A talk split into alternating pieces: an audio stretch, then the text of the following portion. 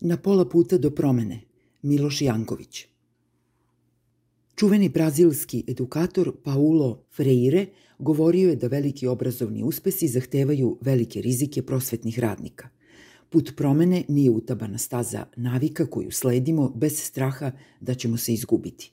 Škola koja se usudi da stvara novi poredak mora biti istovremeno odvažna i nesigurna, poletna i pesimistična, ozbiljna i razigrana mora biti spremna da zakorači u gustu tamnu šumu i da kroz nju odgovorno luta sve dok se u daljini ne pojavi tračak nove svetlosti. Baš na taj korak usudile su se nastavnice književnosti iz Užica.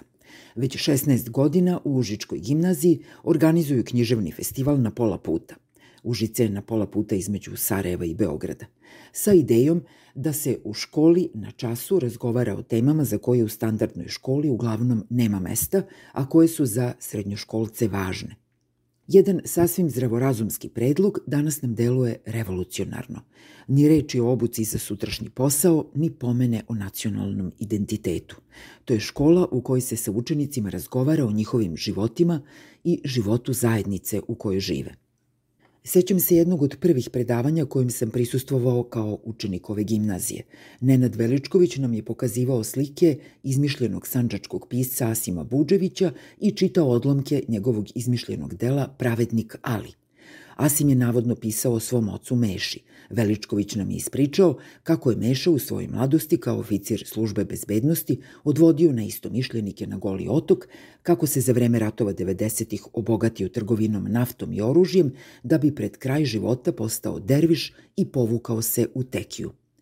Rekao nam je i da se njegov sin Asim u romanu bavi samo poslednjim godinama mešinog života, pričutkujući goli otok i trgovinu oružjem.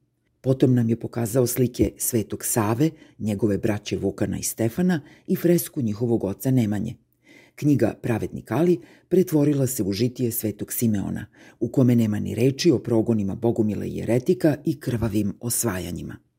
Veličković se kasnije u svojoj knjizi Laža i apanaža osvrnuo na ovo predavanje i prisetio naših komentara. Reakcija jednog malog broja učenika uvek je bila ista. Nije to isto – Lakoća kojom su branili prava vršnjaka u Sanđaku da budu pošteno, a to znači cjelovito i objektivno informisani o prošlosti, brzo bi smjenjila potreba da brane uvjerenja do kojih su došli bez tako postavljenih standarda. Ne sećam se da li sam bio među tom malom grupom koja je stala u zaštitu Svetog Save. I baš taj zaborav, ta nemogućnost da oživim sobstvenu reakciju, gotovo je neoboriv dokaz da jesam – Sećanje sam verovatno potisnuo dosta kasnije kada sam se sramio svojih nekadašnjih uverenja. Kada danas o tome razmišljam, čini mi se da je moja odbrana Rastka Nemanjića bila očekivana. Bio sam dobar đak, što znači da sam bezuslovno verovao školi i školskim autoritetima. Nenad mi je toga dana izmakao tle pod nogama.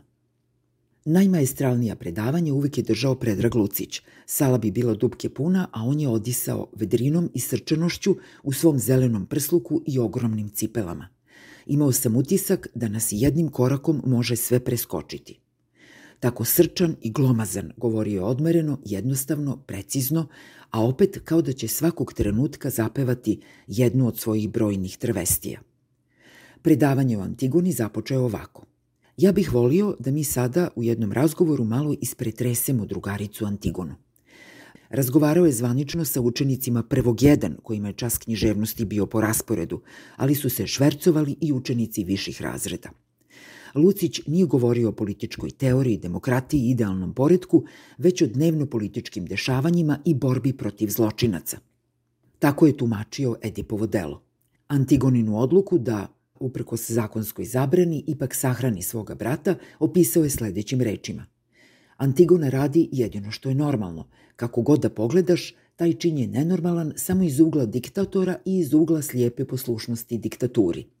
Predavanje je završio razmišljanjem o današnjoj Antigoni kao simbolu otpora protiv tiranije.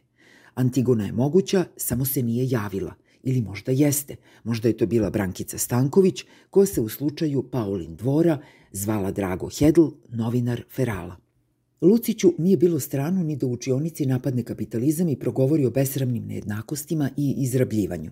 Nije se libio ni da izgovara danas zaboravljene reči poput marksizma i socijalizma preko svog predavanja o Brehtu. Bertolt Brecht se ne bi nešto bunio što ga nema u lektiri.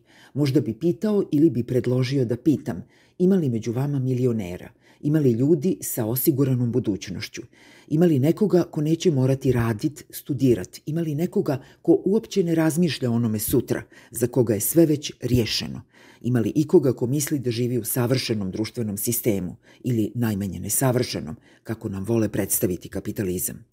Ima li neko ko, nakon iskustva življenja u ovim našim vulgarno-kapitalističkim sistemima, dijeli mišljenja glasnogovornika neoliberalnog kapitalizma koji propovjedaju da je kapitalizmu imanentna sloboda? Jest imanentna je, ali samo jedna, sloboda tržišta. Sloboda gdje smo svi roba, kao što je roba i ono što znamo i ono što radimo. A to slobodno tržište je naravno dirigirano. E, Bertolt Brecht je posvetio život tome da ljudi ne budu roba, da čovjek bude oslobođen. Zato danas pričamo o njemu. Ovogodišnji festival upravo je završen. Jedina promena nakon 16 godina su maske na licima predavača i učenika. Ove godine je gost bio i Stefan Janjić, urednik portala Fake News Tragač. Uputio učenike u različite aplikacije za utvrđivanje autentičnosti fotografija. Osvrnuo se i na komentar jednog od učenika koji je u evaluaciji njegovog predavanja napisao Hvala što ste nam objasnili da je sve laž. Komentar ga je porazio i uplašio. Uvideo je da je preneo drugačiju poruku od one koju je želeo. Da nije preispitivao svoj rad, nikada ne bi znao da je pogrešio, a da ga je greška paralisala i uplašila, nikada ne bi napravio sledeći korak. Greška je neizostavni deo promene i negde je na pola puta do nje.